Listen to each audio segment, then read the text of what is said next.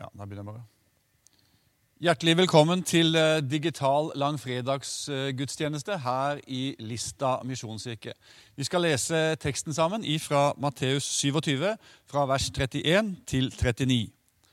Så førte de Jesus bort for å korsfeste ham. På veien ut møtte de en mann fra Kyrene ved navn Simon. Ham tvang de til å bære korset hans. Da de kom til et sted som heter Golgata, det betyr hodeskallen, ga de ham vin blandet med galle. Men da han smakte på den, ville han ikke drikke. Så korsfestet de ham, og de delte klærne hans mellom seg ved å kaste lodd om dem. Siden ble de sittende der og holde vakt over han. Over hodet hans hadde de satt opp en innskrift med anklagen mot ham. Dette er Jesus, jødenes konge. Sammen med han ble også to røvere korsfestet, en på høyre og en på venstre side. De som gikk forbi, ristet på hodet og spottet av ham. I min barndoms verden så var langfredag en veldig lang dag. Det var en trist dag, må vite. Vi skulle jo minnes at Jesus måtte lide og dø for vår skyld.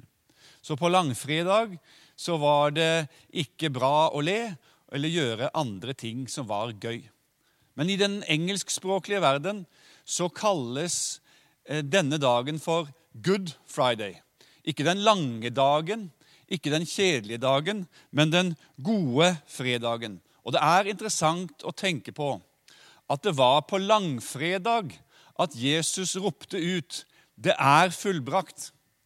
Det var på langfredag at forhenget inn til det aller helligste delte seg i to. Det betyr at det var på langfredag at seieren ble vunnet. Første påskedag ble bare det synlige beviset på seieren som ble vunnet på Good Friday. På den gode fredagen så gjenopprettet eh, Jesus den brutte relasjonen mellom Gud og mennesker. Derfor er dette en, en gledens dag. Dette er store ting. At det brutte fellesskapet mellom Gud og mennesker ble gjenopprettet. Jeg vet ikke om du har tenkt igjennom hva som er menneskehetens største problem. Noen vil si at det må være å få slutt på all krig på jorden. Andre vil kanskje si at det må være å få gjort noe med terrortrusselen. Mens noen vil si at eh, det må handle om å gjøre noe med miljøkrisen eller med sultproblematikken, fattigdommen eller for den saks skyld koronakrisen som herjer over hele verden. Det er ingen tvil om at vår verden står overfor veldig mange store og dype problemer.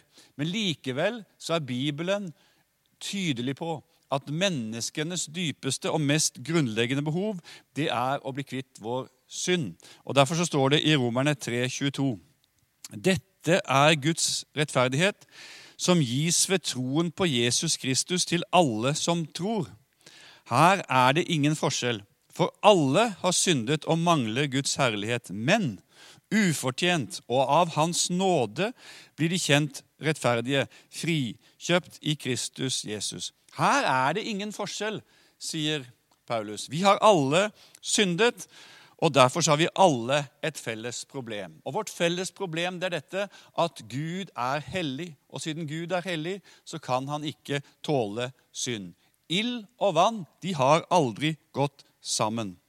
Det betyr at i utgangspunktet så står perleporten lukket for oss alle. Det er ingen av oss som kan liksom smyge seg inn gjennom eh, perleporten ved å argumentere med Sankt Peter på at vi har levd et rimelig anstendig liv nede på jorda. Saken er den at fellesskapet mellom Gud og mennesker er brutt. Og det fellesskapet som vi er skapt til å leve i, det er vi stengt ute for. Det å erkjenne at jeg er skyldig, det er ikke lett for oss mennesker. Det ser vi hvis to biler kolliderer. Det å lese skademeldinger som bilister eh, skriver, det kan være veldig interessant. Og Det er laget bøker om det. Og Jeg eh, skal lese et par eksempler på hva folk faktisk har skrevet for å forsøke å unnskylde det de har gjort. Den andre bilen kolliderte med min bil uten å signalisere sin intensjon. Jeg mener Det er jo dårlig gjort. Det må jo være den andre bilens feil.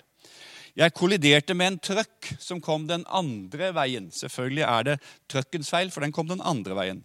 I et forsøk på å drepe en flue kjørte jeg på en lyktestolpe. Så det er klart det er fluas feil og ikke min.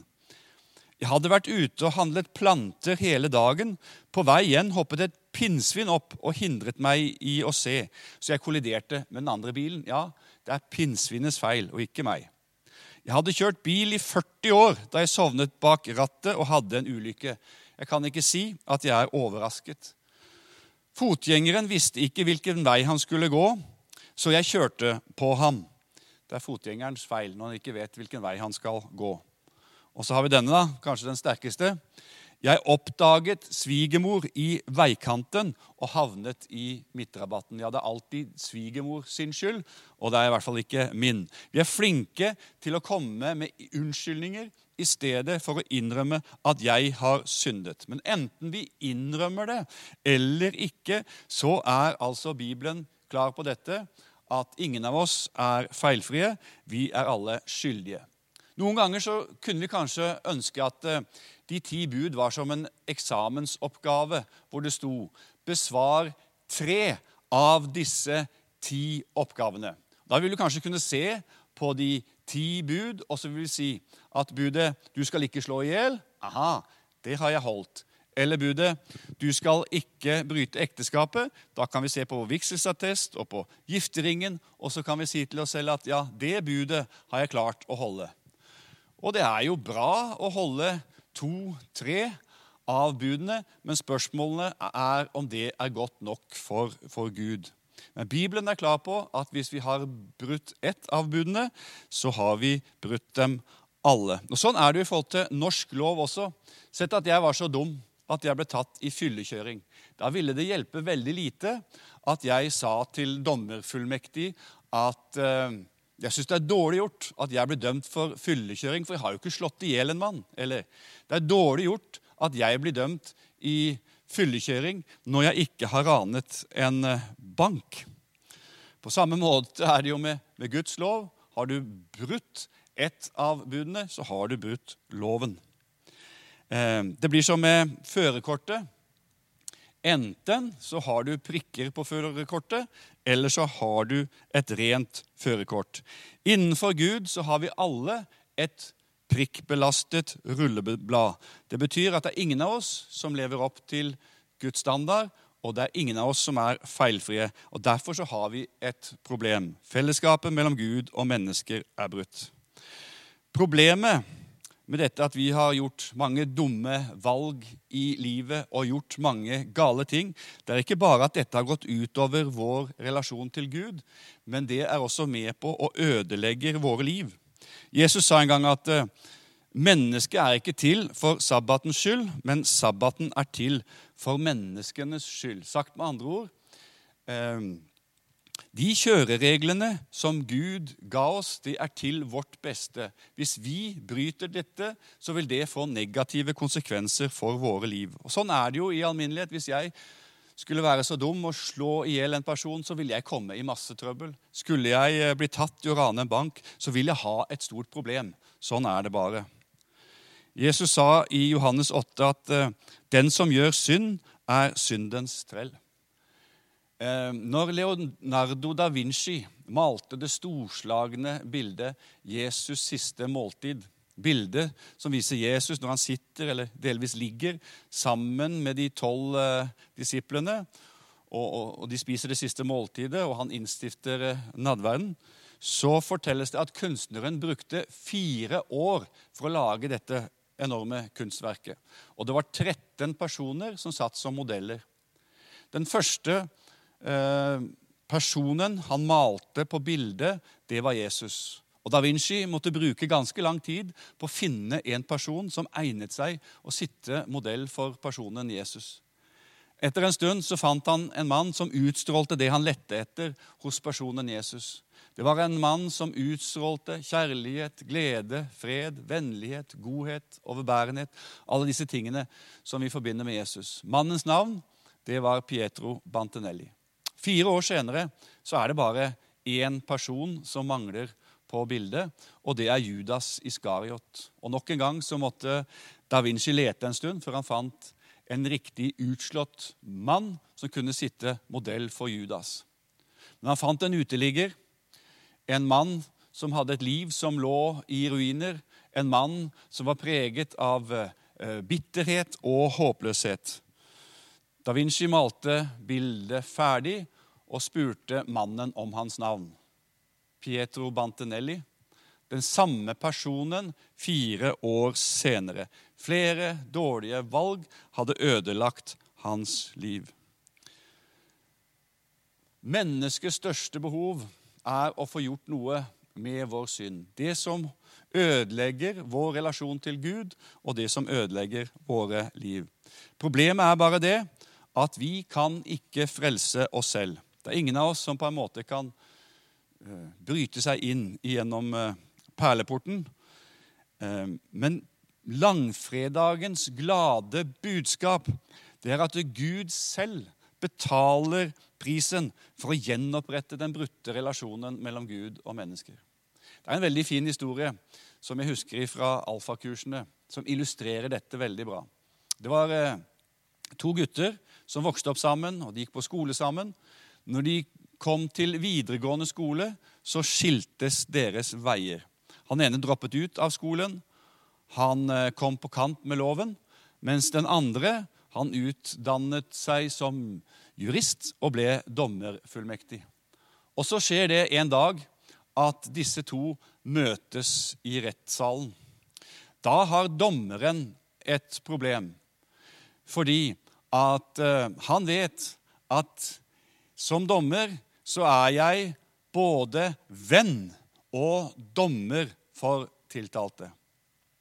Som venn så hadde han selvfølgelig ikke lyst til å dømme mannen, men siden han var dommer, så måtte han jo dømme rettferdig etter loven. Så det han velger å gjøre, det er å gi mannen en straff på 500 000. Det var rettferdig i forhold til forbrytelsen han hadde gjort. Men så tar han av seg dommerkappa. Så går han ned til mannen, skriver ut en sjekk på 500 000, og så sier han, 'Den skal du ha fordi du er min venn'. Det syns jeg er et fantastisk bilde på hva Gud har gjort for oss. Han er både vår dommer og vår venn. Siden han er vår dommer, så må han dømme oss rettferdig etter loven. Men siden han er vår venn, så velger han å betale prisen selv. Men dette bildet det halter ganske mye, fordi den prisen Gud betalte, var langt høyere enn 500 000. Han betalte den ultimate pris for å frelse oss.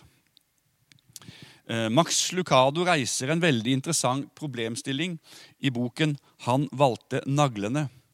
Han skriver det er mennesker jeg ville gitt livet mitt for. Det er en ganske drøy påstand, men han sier det.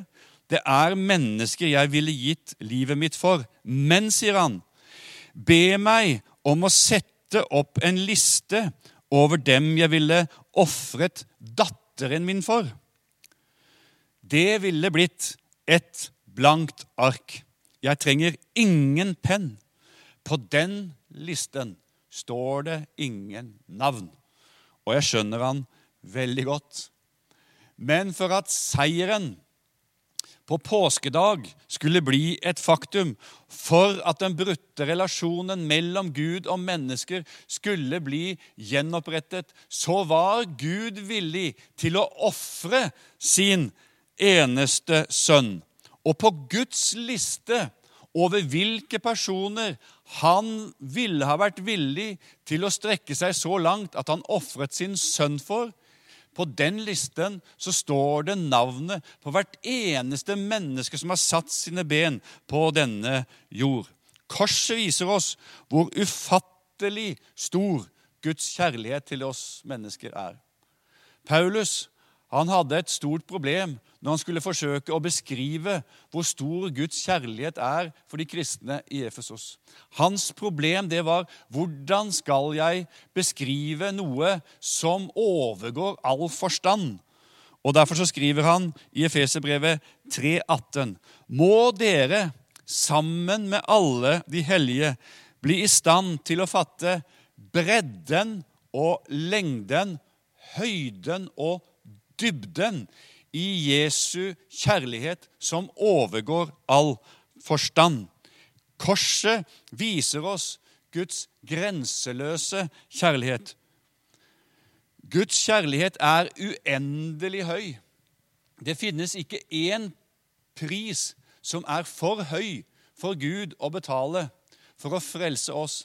Han var villig til å ofre sin eneste sønn for at det brutte fellesskapet mellom Gud og mennesker skulle bli gjenopprettet. Og det finnes ikke mennesker som har gjort så mye galt, som har oppført seg så dårlig, eller som har sunket så dypt at ikke Guds kjærlighet rekker ned til han.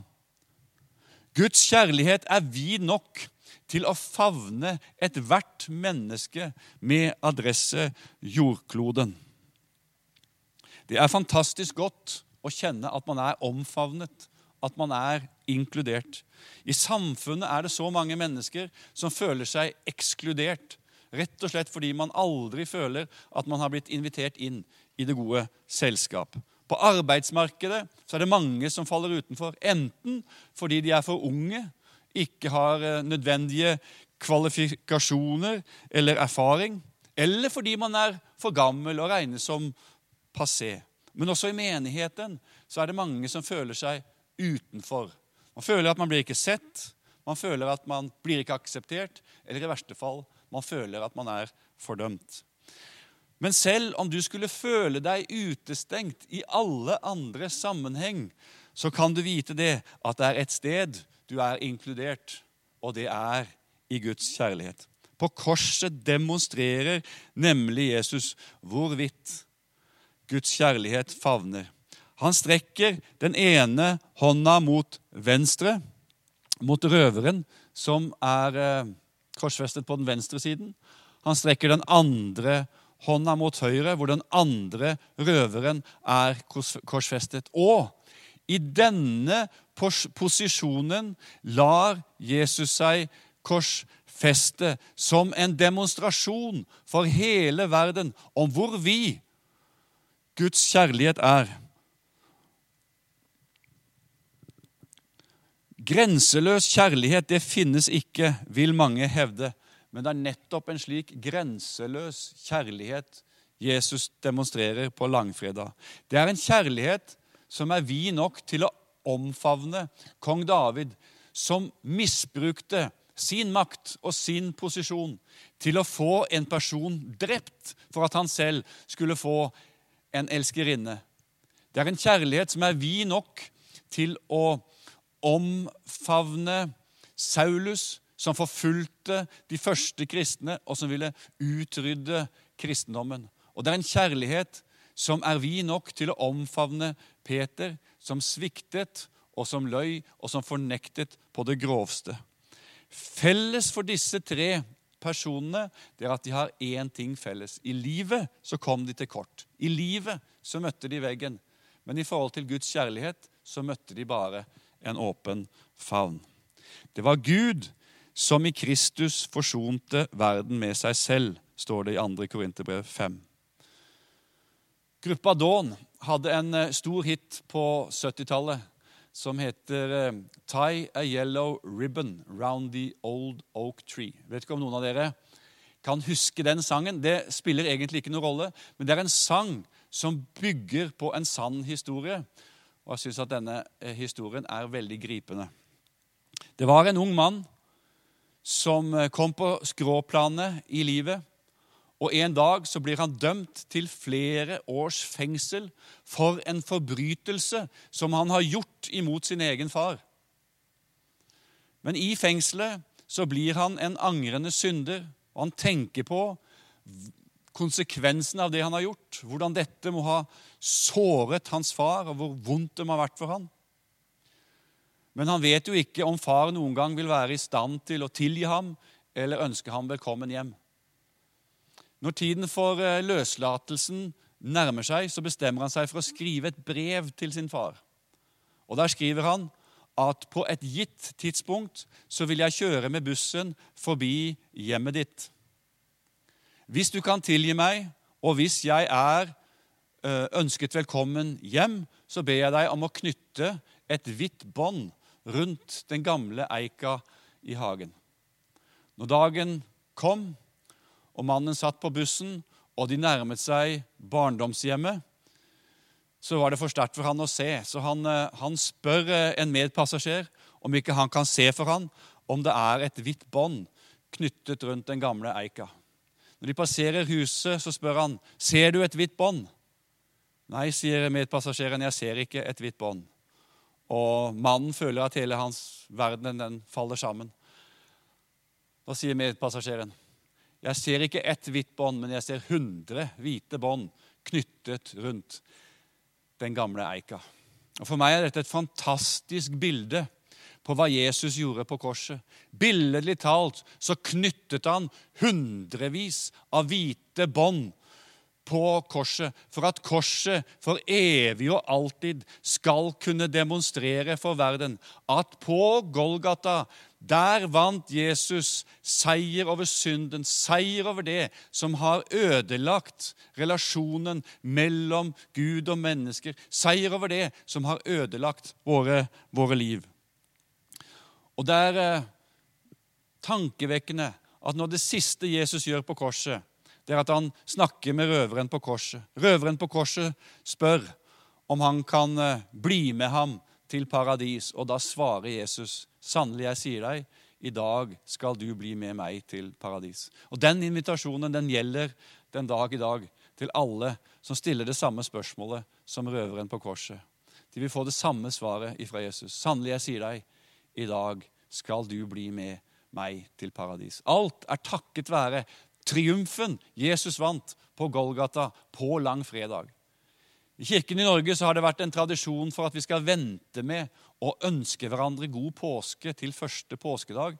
Men jeg kan ikke tenke meg en bedre dag å ønske hverandre god påske på enn i dag, på langfredag.